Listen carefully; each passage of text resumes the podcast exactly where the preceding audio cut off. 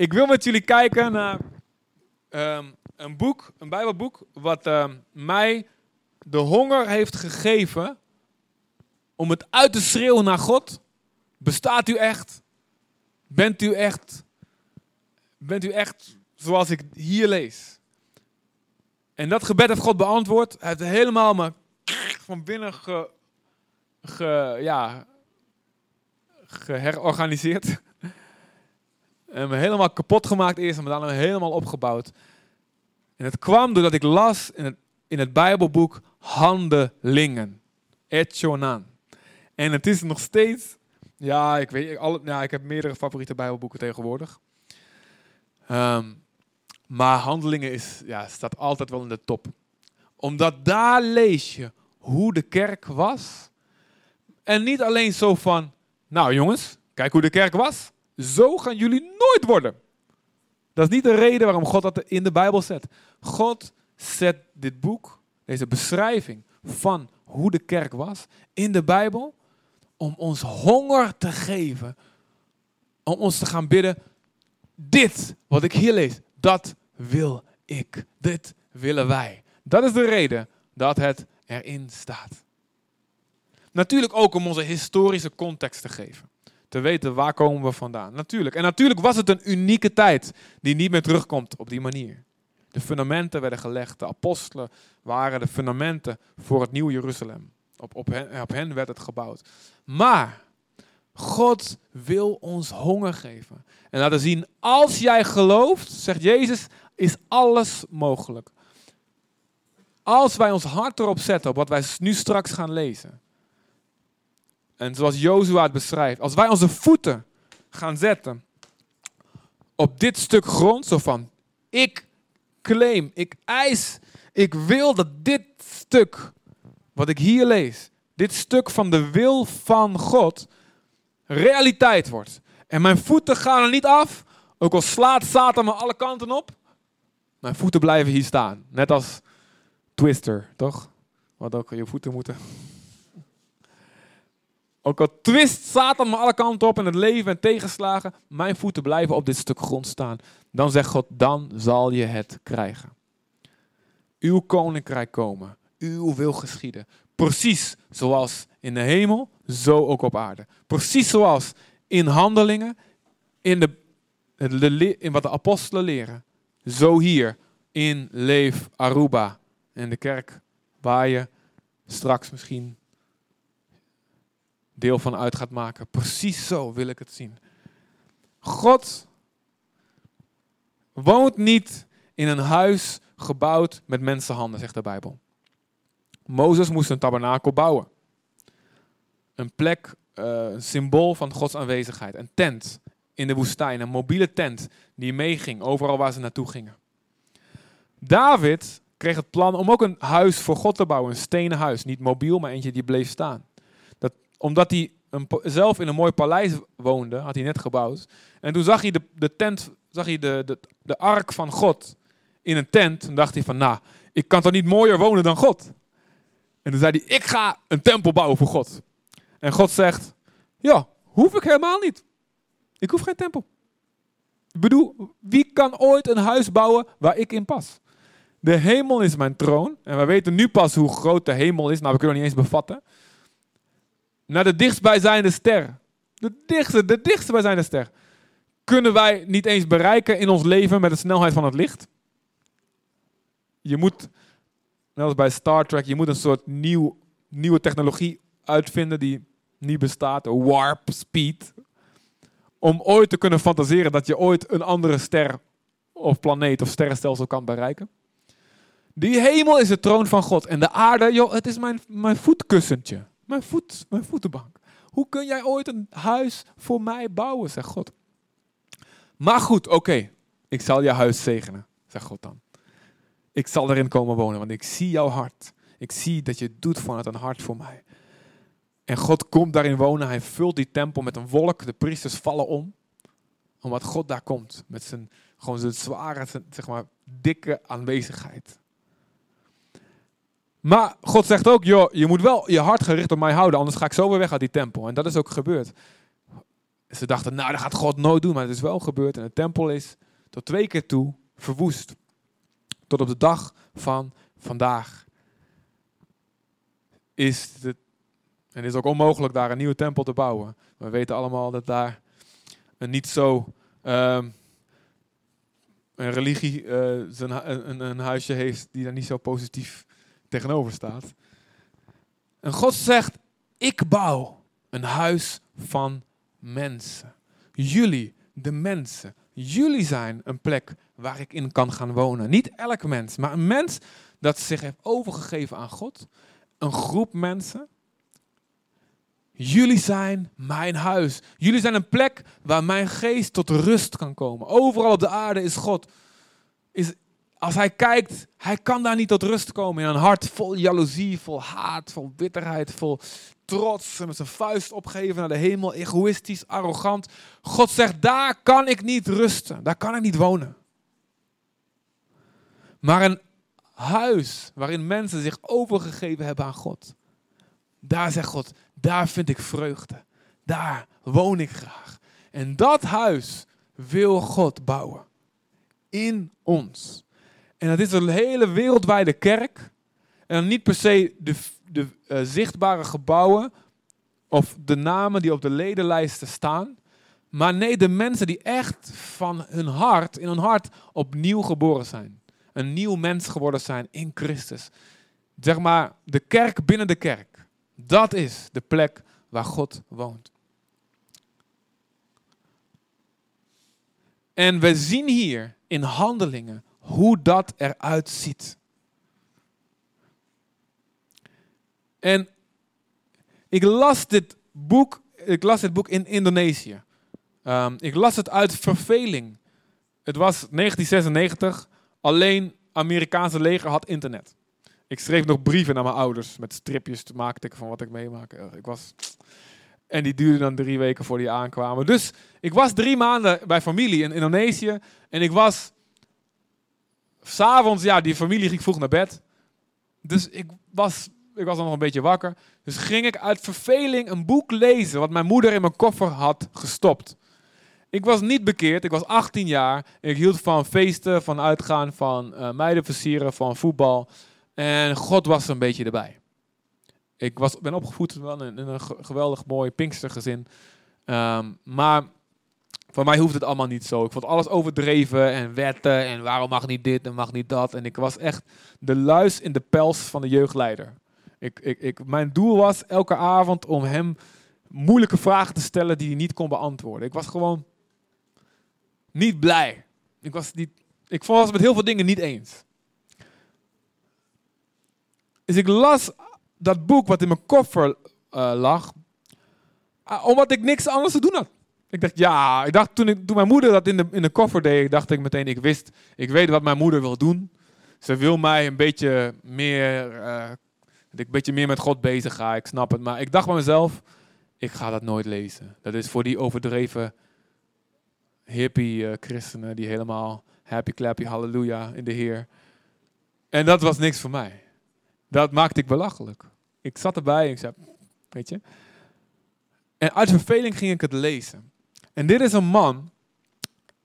Het was geschreven door John Wimber. Hij heeft het laatste liedje van vandaag heeft hij geschreven. Jezus, oh Jezus, kom en vul ons hart. Oprichter van de Vineyard-beweging. Heeft allemaal kerken gesticht. Um, liedjes geschreven. Een hele platenmaatschappij. Enorm veel liedjes komen van hun.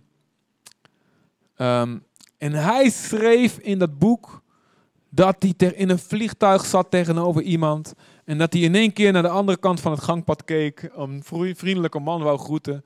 En dat hij in één keer het woord in lichtgevende letters overspel ziet geschreven op het de voorhoofd van die man.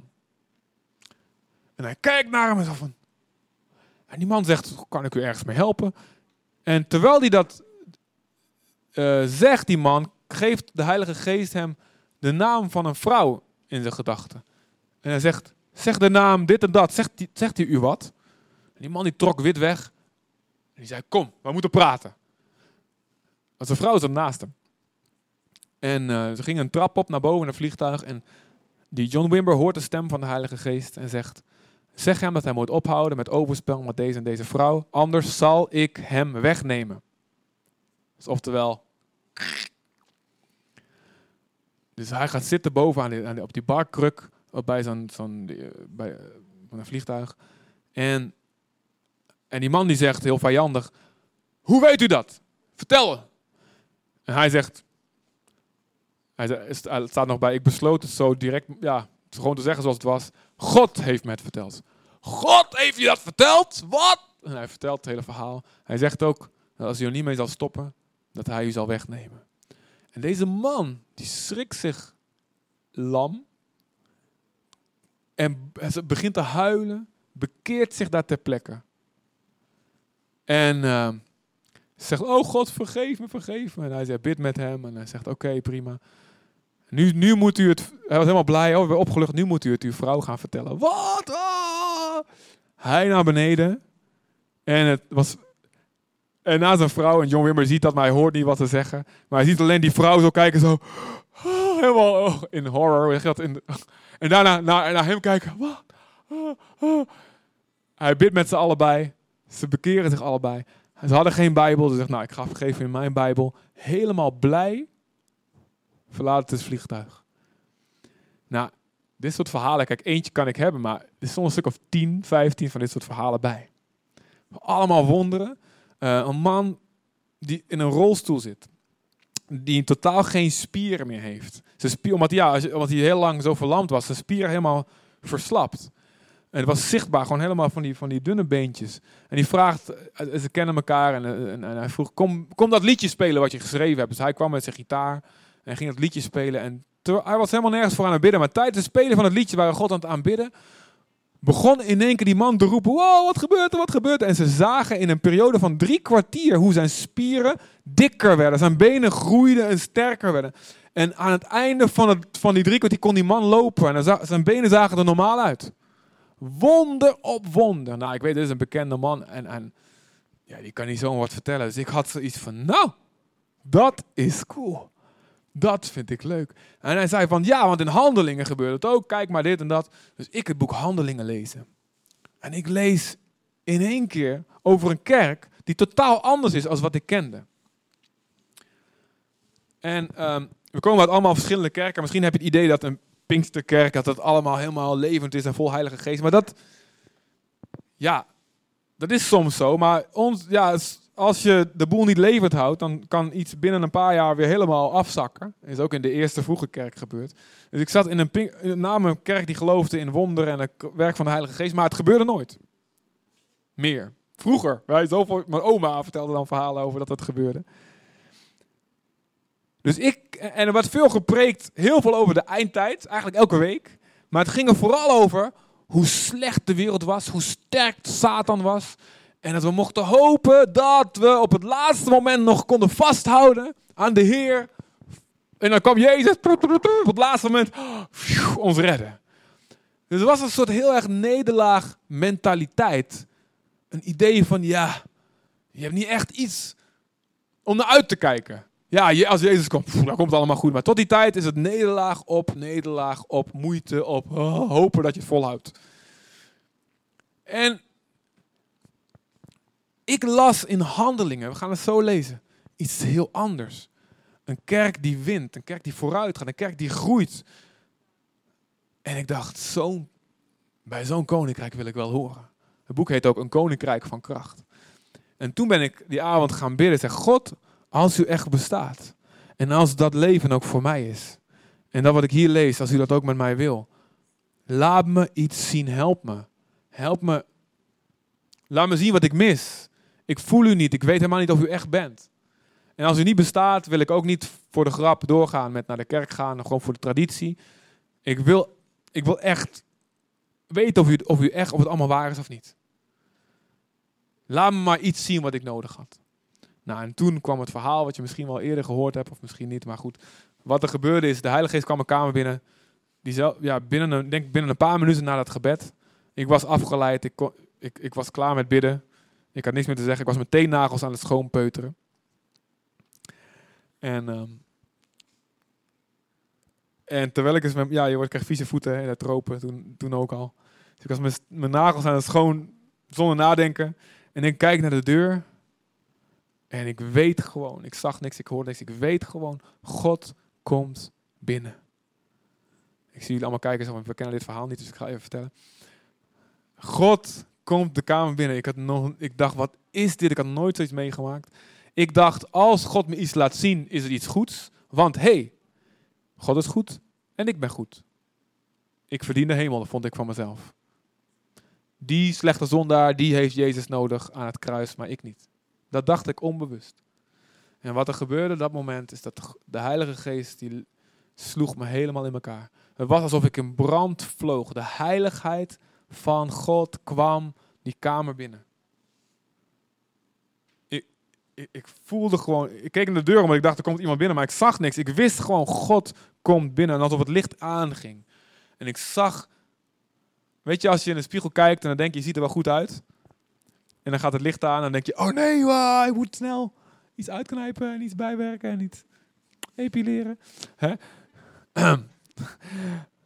Zo voelde het. Ik dacht, ik ben wel goed. Want ik had mijn spiegel was, was vaag.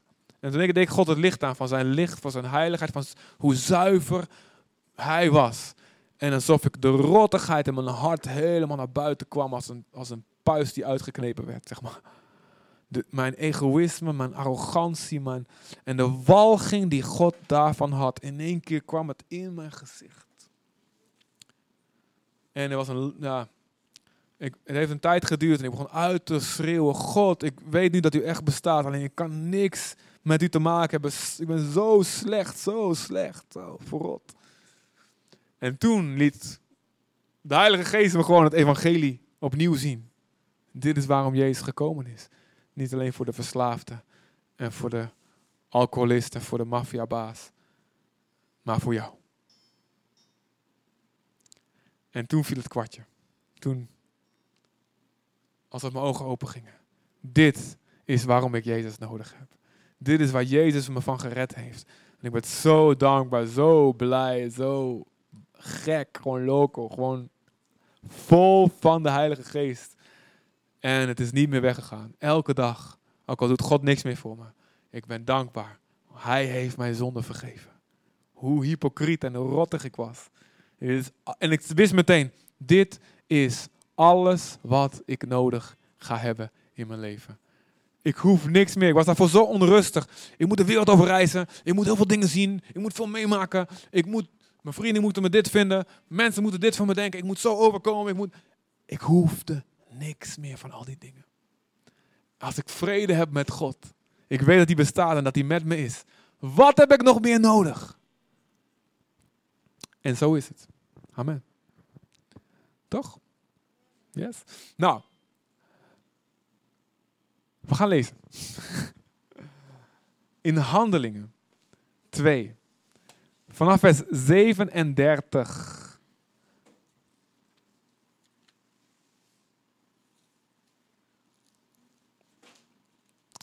Hechos 2, versículo 37. Nós vai começar.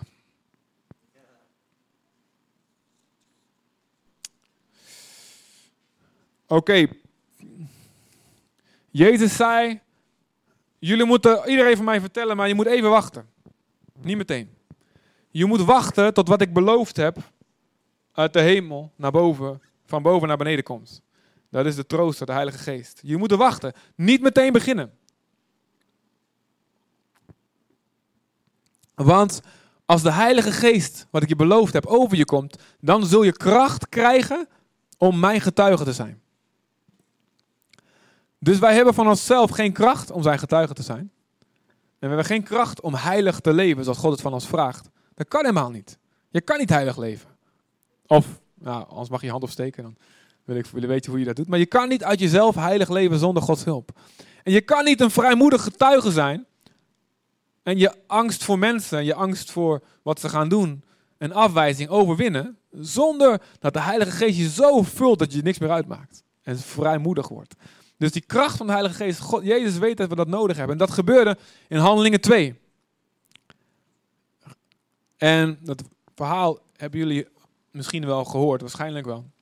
Ze zijn aan, het bidden, tien dagen lang, na hemelvaart. En na tien dagen eensgezind bidden met 120 man, komt de Heilige Geest. En vuur komt in hun hart, vuur komt op hun hoofd, vuur komt op hun tong.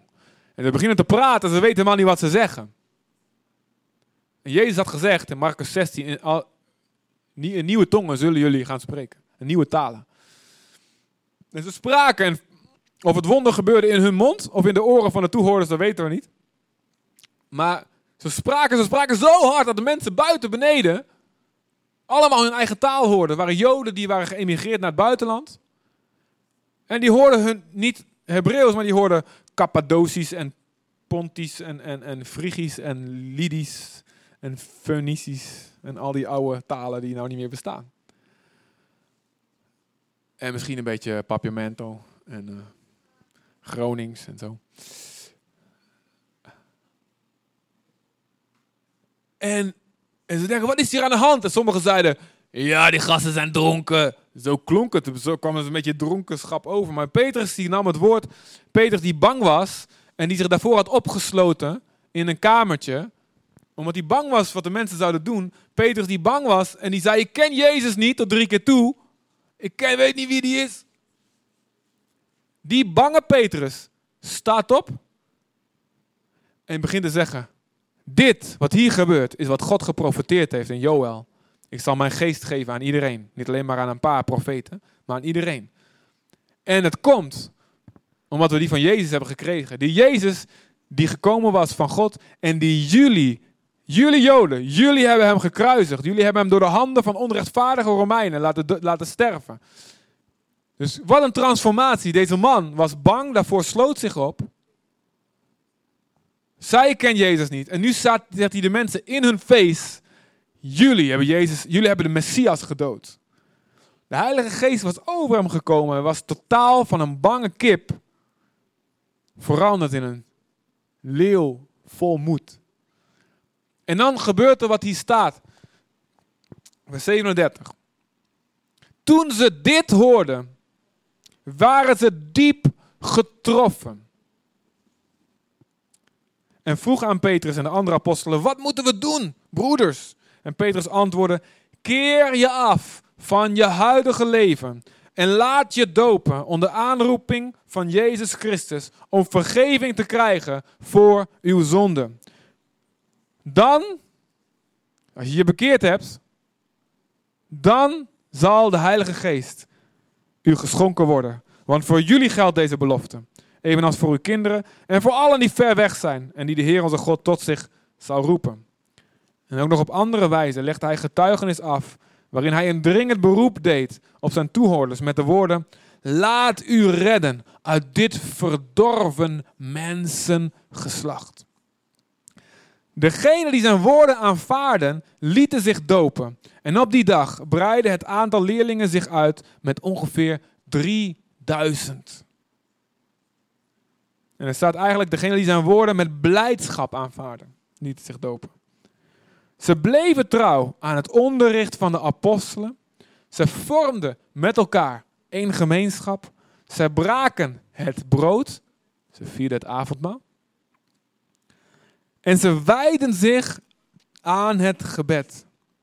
De vele tekenen en wonderen die de apostelen verrichtten, vervulden iedereen met ontzag. En allen die het geloof hadden aanvaard, bleven bijeen en hadden alles gemeenschappelijk. Ze verkochten al hun bezittingen en verdeelden de opbrengst onder degenen die iets nodig hadden. En even later staat, niemand had daardoor gebrek, iedereen had genoeg. Elke dag kwamen ze trouw en eensgezind samen in de tempel, braken het brood bij elkaar thuis, gebruikten hun maaltijden in een geest van eenvoud en vol vreugde. Ze loofden God en stonden in de gunst bij het hele volk. En logisch, de, de Heer breiden dus hun aantal dagelijks uit met mensen die gered wilden worden. Dit is kerk. Vergeet alles wat je kent. Vergeet alles wat je weet. Vergeet je referentiekader, je ervaringen, je trauma's. Dit is kerk. Wij geloven, wij zijn mensen van het woord. We zijn protestanten, sola scriptura. Dit is kerk. Dit is kerk. En opwekking, revival is dus dat we teruggaan naar dit. Dit is wat Jaap het vorige week over had. Eerste liefde. En het komt omdat ze diep waren getroffen. Dat, waar begon het mee? Ze werden diep getroffen. Mensen die diep getroffen zijn door het woord, het ziet er zo uit. Zo wil God dat het eruit ziet. Als wij bidden, we want to see your kingdom here. Als wij, als wij bidden, uw koninkrijk komen. En uw koninkrijk is dus een plek waar God de baas is, waar Jezus de baas is. Dus, dus waar mensen met hun hele hart doen wat Jezus zegt. Dan ziet dat er zo uit. Zo ziet het eruit. Dus zo hoort ons leven eruit te zien. En dan kun je kijken hoe ver zitten we daarvan af. Hoe ver zijn we in de geschiedenis daarvan af geraakt. De dingen zijn gestold zoals bloed stolt buiten het lichaam. Maar dat is natuurlijk goed dat het bloed dat doet. Um, het is een rivier die stil is komen te staan. En dingen, levende dingen, die uit het hart kwamen, uit een levende ontmoeting met God, zijn tradities geworden. Zoals ik vertelde over onze kerk, eh, waar ik in zat. Er was een, echt een opwekking, een beweging van Gods geest. Mijn oma heeft een blind, is, het begonnen met een blind geboren moslim, ik heb eerder wel verteld, die tot geloof kwam, die, die, die, nee, die genezen werd voor haar ogen. Maar het waren verhalen van zo lang geleden. Het verlangen naar dat het nu gebeurde was verdwenen. Mensen waren tevreden geraakt met, ja, dat was toen. En de dingen kregen een traditionelere vorm, een vastgestolen vorm. Dus in elke kerk gebeurt dit. En ook de sociologie, uh, die spreekt hierover. En ze noemen het de routinisatie, routinisering van charisma. En het is ook gebeurd met wat we hier gezien hebben, wat we hier lezen. Het begon als iets levens, uit het hart, diep getroffen. Dus wij willen elke dag dat woord van God horen. Wij willen onze spullen delen met elkaar. Wij willen bidden. En God wil weer ons diep treffen in ons hart. Dat, dit, dat we dit gaan willen. Dat dit niet iets is wat we moeten. En dat was juist wat Pinksteren was komen doen. Pinksteren was onder andere het feest waarin de Joden herinnerden, her, uh, herdachten dat de wet werd gegeven op Sinaï. De wet, maar de wet was niet geschreven in hun hart. En omdat de wet gegeven werd van buiten, geschreven op de stenen tafelen, als symbool dat de wet geschreven werd op een hart van steen, ongevoelig, koud omdat die wet niet geschreven was op het hart van het volk van Israël in de tijd van Mozes, stierven er op die dag dat de wet gegeven werd 3000 mensen. Deze dag van Pinksteren werd de wet niet geschreven op steen, maar de wet geschreven op harten van mensen. Van binnenuit. De, het diepe verlangen, ik wil niks anders dan Gods wil doen voor mijn leven. En om dat te illustreren, laat God precies 3000 mensen tot leven komen. Wet op steen, wet van buiten, ik wil het niet, maar ik moet, als krijg ik straf, 3000 doden. Wet van binnen, nieuw geboren mensen, 3000 eeuwige levens erbij. Dat is het verschil. Dus dit wat, wat we hier lezen is iets wat wij zouden moeten willen. Niet zouden moeten, maar zouden moeten willen als ons hart getroffen wordt. Er staat dat ze met vreugde het woord aannamen. Het moet de grootste blijdschap zijn. De gedachte dat Jezus voor jou gestorven is. Hij is opgestaan uit de dood. Er moet niks zijn wat jou blijer maakt. Als je daar niet blij om bent, dan heb je misschien de conditie zoals ik die had. Je snapt niet goed waarom Jezus voor jou moest sterven. En dat is niet erg. Daar kan je soms niks aan doen. Dat je opgroeit met de gedachte, ik ben best wel goed. En je hoeft het niet helemaal te voelen eerst. Zo van, nou ja, ik, ik wil het wel geloven, ik wil, maar ik voel het gewoon niet. Het hoeft niet. Je moet het gewoon aannemen in geloof. Als God zegt, jij kan niet gered worden, zonder genade, moet je dat geloven. Denk niet stiekem in je hart, wat ik doe is toch eigenlijk best wel goed en God, God, ja, God, God laat mij wel binnen, omdat ik dit en dat doe. Als je dat denkt, denk je inderdaad dat je Jezus niet nodig hebt. Dan ben je als een patiënt die op sterven ligt, ongeneeslijk ziek is, maar geen medicijn slikt omdat hij niet gelooft dat hij ziek is. Maar als je gelooft, als je ziet hoe ziek je bent, als je de conditie van je hart echt goed ziet, als je snapt wat God echt eist van een mens, dat hij geen compromissen sluit, dan ga je met vreugde het woord aannemen. Als God zegt, je zonden kunnen vergeven worden als je gelooft. je kunt op grond van Jezus rechtvaardigheid gered worden. En dan kun je zeggen, in als, je, als je voor de poort staat, boven, hé, hey, ik verdien niet om, ik verdien helemaal, ik heb geen recht zelfs om mijn mond hier te openen. Maar hé, hey, en ik ben schuldig, ik weet het, maar Jezus heeft voor mij betaald. En hij heeft mij gezegd dat ik binnen mag komen. Dat ik eeuwig leven heb. Als die vreugde je gaat vullen, dan gaat dit, gaat dit allemaal gebeuren. Er staat dat deze mensen, zij bleven trouw aan het onderricht van de apostelen. Ze volharden om naar dat woord te luisteren. Ze wouden meer weten. En elke dag zochten ze dat woord op. Als jij geraakt bent in je hart, wil jij elke dag weten wat God zegt. Er is een honger in je. Een honger in van, ik moet het woord van God weten. Niks in jou zegt van, nou, dan moet ik naar de kerk, want anders dan gaan ze denken, waar blijft hij nou? Oh, ik moet de Bijbel lezen, anders gaat God zagrijnig in de hemel naar me kijken. Nee, je wil. Je hebt een verlangen naar God. In 1 Petrus 2, vers 2, daar staat, verlang als een pasgeboren baby, verlang naar melk, verlang zo naar het woord van God. Ja, als je een baby hebt, als hij honger heeft, wat doet hij? Wat doet hij? Kom op, jongens. Keer als jij, en als dan zijn moeder langs loopt, heb je er wel eens gehad? Loopt zijn moeder langs en dan gaat hij. Ja, toch? Dan gaat hij een beetje zo. Nee? Nee, doet hij niet? Dan denkt hij, ah, ik wil het, ik wil het. Nou, als jij een Bijbel ziet, moet je dat gaan doen, oké? Ah, ik moet het weten, ja? Zo moet je verlangen naar het woord van God. Ja. Laat maar je Bijbel zien. Ja, kijk er eens naar. Ja, oké. Je snapt wat ik bedoel. Als zondag in de buurt komt, ja, ik moet. Ja, oké. Je snapt het. En er staat ook, ze vormden met elkaar een gemeenschap. eigenlijk staat er letterlijk, ze volharden met elkaar in de gemeenschap, in koinonia, in verbondenheid. Ze wouden alleen maar bij elkaar zijn.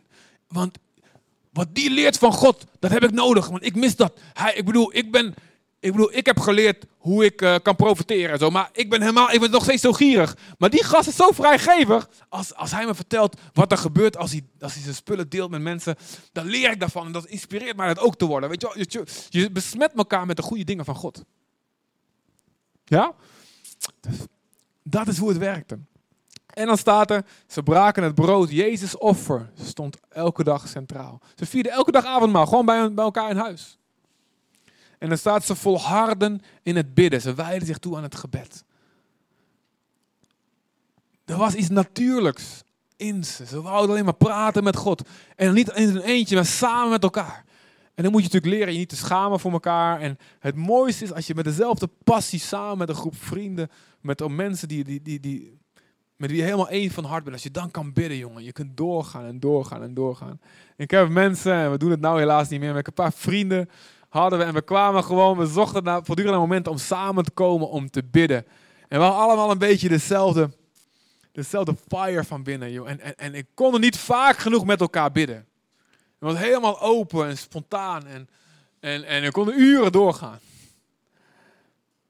En ik heb meegemaakt. We hebben eh, meegemaakt op dat, dat, vakant, dat conferentiecentrum, de Battle, waar ik werkte. De Heilige Geest viel. Ze werden diep getroffen, zoals we hier lezen. En de jongeren, ze wouden alleen maar nachten door bidden en bidden en bidden. Ze wouden niet stoppen. Het maakte ze niet uit of ze slaap kregen. En we moesten geluidsdichte plekken vinden op de camping Omdat ze anders iedereen wakker hielden met hun gezang en hun gebed. Het was glorieus, fantastisch, fantastisch.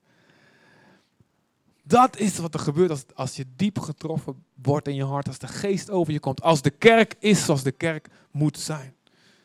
Nogmaals, ik zeg dit niet zo van, nu moeten jullie allemaal ook dit gaan doen. Nee, zo werkt het niet. Ik snap dat het zo niet werkt. Maar ik wil jullie wel, ik geloof God wil jullie een honger geven. Zo kan het zijn. Laat je raken. Ga verlangen weer naar dat de kerk weer zo wordt. Want aan het einde gaan we het hebben over het resultaat.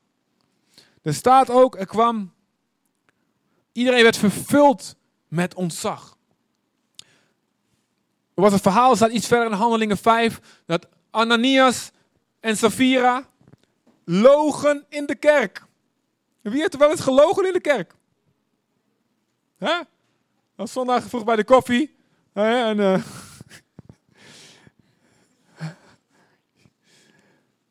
Ze vielen dood neer. Ze vielen dood neer. Waarom doet God het nou? God houden van mensen. Weet je, als God echt zo gaat komen, zo aanwezig is, wat we willen met z'n allen, gaat dat ook weer gebeuren. Ik, ken van een, ik weet van een voorganger die in overspel leefde. En zijn oudsten hadden hem gewaarschuwd om te breken, om te, om te breken ermee, om te zich te bekeren. En hij wou niet luisteren. En hij brak het avondmaal. Vooraan in de kerk. En hij hief het op. En de oudsten waren op de achtergrond. Ze waren niet in die dienst, ze waren aan het bidden.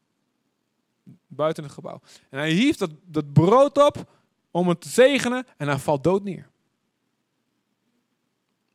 Ik heb meegemaakt in die tijd ook op de battles. Dat de Heilige Geest zo bewoog. Dat er was één spreker en die was zo tegen dat werk van de Heilige Geest. Hij vond het allemaal maar niks. Oh. En hij was aan het spreken voor de tieners. Maar niemand wist.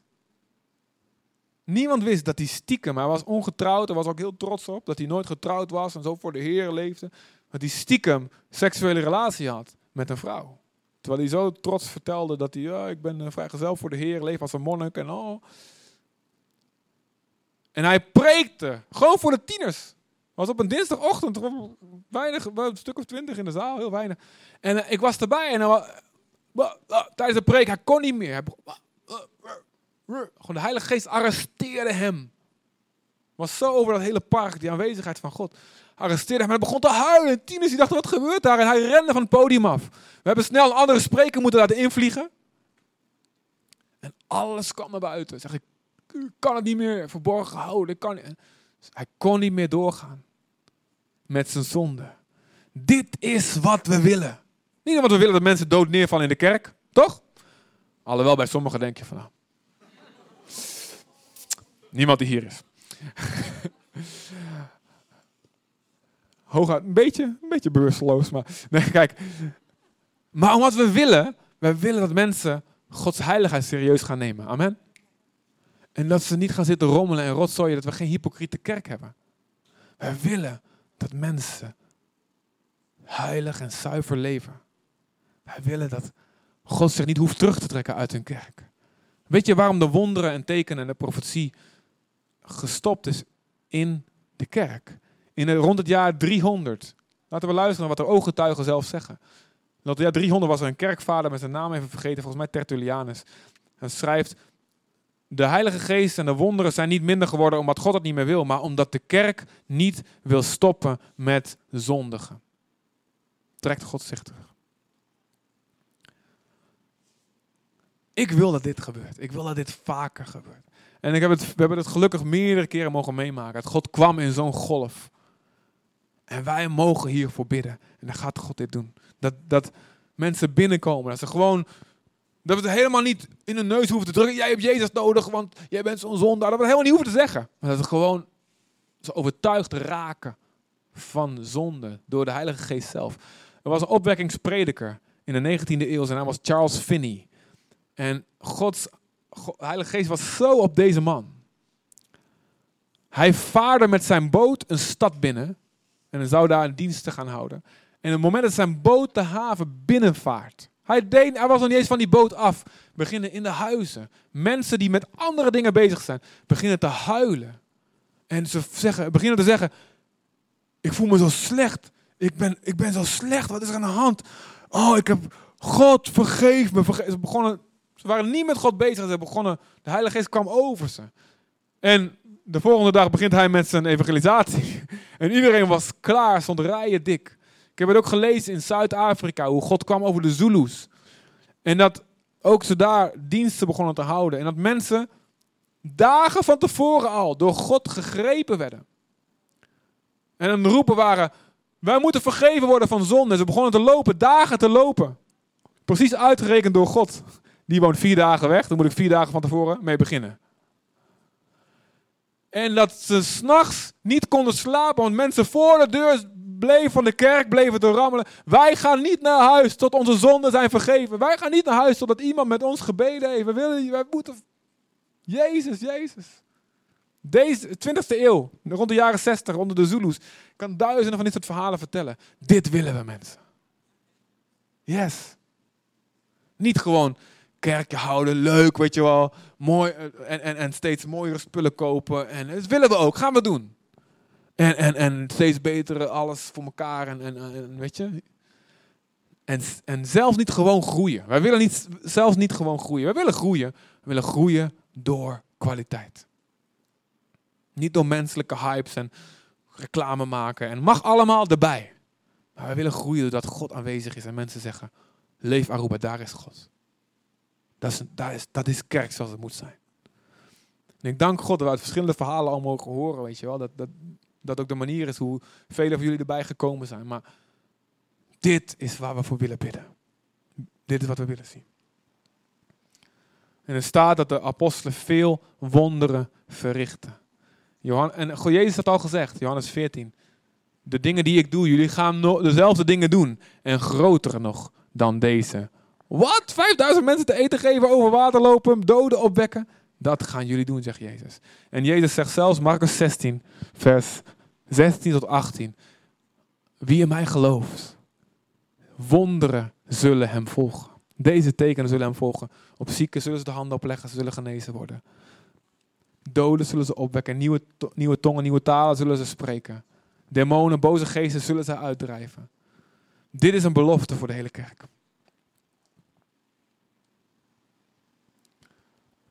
En sommige mensen hebben die wonderen nodig. Sommige mensen zullen wonderen zien en zich nog steeds niet bekeren. Absoluut. Maar ik ken verschillende kerken die begonnen zijn door een wonder. Een kerk in Deventer. Uh, de Bazuin. Ik weet niet of nou, het bestaat nog steeds. Hij heet nu anders volgens mij. Die is begonnen omdat in de jaren 50, tijdens de evangelisatiecampagne, een man totaal jaren verlamd uit de rolstoel opstond. En de hele buurt die zag dat en die kende die man, die kwam tot geloof. En daar is de kerk mee begonnen. Sommige mensen ja, hebben gewoon wonderen, genezingen nodig. En God wil dat nog steeds doen. En er staat dat ze alles, volgende ding wat er staat, ze hadden alles gemeenschappelijk. En ze verkochten hun huizen en hun bezittingen. En in hoofdstuk 5 staat zelfs dat in, in die periode alle mensen die huizen en landgoederen, stukken grond hadden, het verkochten. Het werd helemaal hip, het werd helemaal een trend. Het werd helemaal trending topic overal. Heb jij, heb jij je huis al verkocht? Nee, nog niet. Zo, jongens, schiet eens op. Nou, ze deden het uit hun hart. Uit hun eigen hart. natuurlijk gingen ze niet op straat wonen. Ze kochten dan een kleine huis voor terug of zo. Ik weet het niet. Maar kun je voorstellen wat een radicale... Tot ziens. En bedankt voor de brownies, want uh, die zag ik wel gezien. Als je, als je, als je mensen gaan weglopen tijdens je preken, weet je dat je moet stoppen. Hè? Ze hadden alles gemeenschappelijk. Ze waren radicaal vrijgevig. En ze dachten, ze dachten misschien helemaal niet aan hun pensioen en aan hun hypotheek. En wat dan als dit gebeurt, ik moet een appeltje voor de dorst. Ze gaven. Ze gaven alles wat ze hadden. Ik ken van een kerkgebouw wat betaald is. Doordat mensen hun sieraden in de collecte deden. Nou, verkoop maar. Koop maar. En het is nogmaals niet iets van, dat moeten jullie nu ook allemaal gaan doen. Maar dit gebeurt er als mensen diep getroffen worden in hun hart. Als de Heilige Geest gaat bewegen.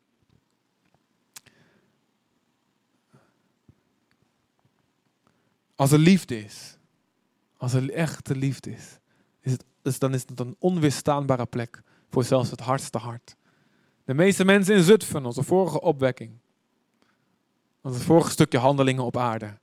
De meeste mensen kwamen tot geloof door de magnetisme van de liefde onderling. Eh, omdat het mensen waren die zo verschillend waren. Kijk, als een stelletje gelijkgestemden van elkaar houdt en elkaar leuk vindt, dat is normaal. Maar als mensen rijk en arm, jong en oud, bruin, blank, rood, groen, alles wat je hebt, smurfen. Als die van elkaar houden, dan heeft de wereld een open mond. Wat is dat? Dit is niet normaal. Precies wat Jezus zegt, als je alleen je broeders groet, doe je niks meer dan het gewone. Dat is normaal, dat je hun nee, maar als je van mensen houdt die anders zijn als jij, dat is stunning voor de wereld om te zien. Ze bleven dagelijks eengezind bij elkaar komen. Ze aten samen. Ze hadden zo'n blijdschap. En ze waren eenvoudig van hart. Er was geen dubbele agenda, ambitie of jaloezie. Ze loofden God. Ze zongen de hele tijd. Ze konden niet stoppen met hun hart, hart uiten. Hun dankbaarheid uiten in liedjes en zingen. En oh, wauw. Achter elkaar. Ze stonden in de gunst bij het hele volk. En het resultaat is, er werden dagelijks mensen toegevoegd aan de kerk. Dat wil ik. Als wij geloven dat mensen voor eeuwig naar de hel gaan, geoordeeld zullen worden, en dat geloven wij, want dat zegt de Bijbel heel duidelijk, heb je geen hart in je lijf als je niet wil dat er dagelijks mensen gered worden. Dat is wat we willen. Amen. Ja, toch? Als wij zo getroffen worden door de Heilige Geest, als dit handelingen gaat gebeuren, gaat hetzelfde resultaat komen. En ook dat hebben we gezien. Daar kan ik veel verhalen over vertellen. Maar voordat er meer mensen gaan weglopen. Laat je raken door de Heilige Geest. Salomo zegt, 2 Kronieken 2 vers 5, het huis wat ik ga bouwen voor God zal groter zijn dan alles wat ik ken. Want onze God is groter dan alle goden. Laten we dit gaan bouwen. En dan niet een groot gebouw, mag ook wel, niks op tegen. Maar laten we dit, deze kwaliteit van het leven, van werk van de geest, groot gaan bouwen. Zodat de wereld nog een kans krijgt voor het einde komt. Te zien hoe kerk echt, echt bedoeld is. Wie Jezus echt is. Amen. Zo staan met elkaar. En ik wil je vragen voor jezelf gewoon te bidden. Als je dit hoort, praat met God. Jezus staat nu voor je. Hij kijkt je in de ogen en hij zegt je, zoals hij zei tegen die blinde, wat wil je dat ik voor jou doen zal?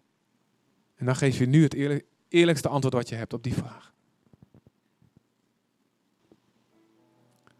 Jezus, kom hier. Vul ons hart. Wij kunnen dit niet uh, fabriceren. We kunnen het niet imiteren. We kunnen het niet bij elkaar manipuleren. We kunnen alleen u erom vragen. Bidden. Breek de hemel open, Heer. Geef ons dit leven. Laat ons ook hier dit meemaken. Intenser dan ooit. Laat uw koninkrijk komen. Regeer totaal in ons. Spirit, break out. Break our walls down. Haal onze muren neer. Jezus. Laat de wereld zien wie u echt bent. Jezus, kom en vul ons hart. Vul ons Heilige Geest. We hebben geen barrières meer. We hebben geen obstakels meer. U mag alles hebben. Geef ons dit leven. Tot eer van Jezus' naam. Wij willen alleen dat Jezus de eer krijgt. Niks anders. Laat Hem de eer krijgen. Hier en wereldwijd. Hier zijn we, hier zijn we. Hier zijn we, Jezus. Voeg dagelijks toe. Red mensen uit dit verdorven mensengeslacht. Raak mensen in ons hart. Raak ons in ons hart. Kom, Heer, red door ons heen. Laat ons de weg zien om zo kerk te worden. O God, Heer. O God, geest van God. Neem de ruimte.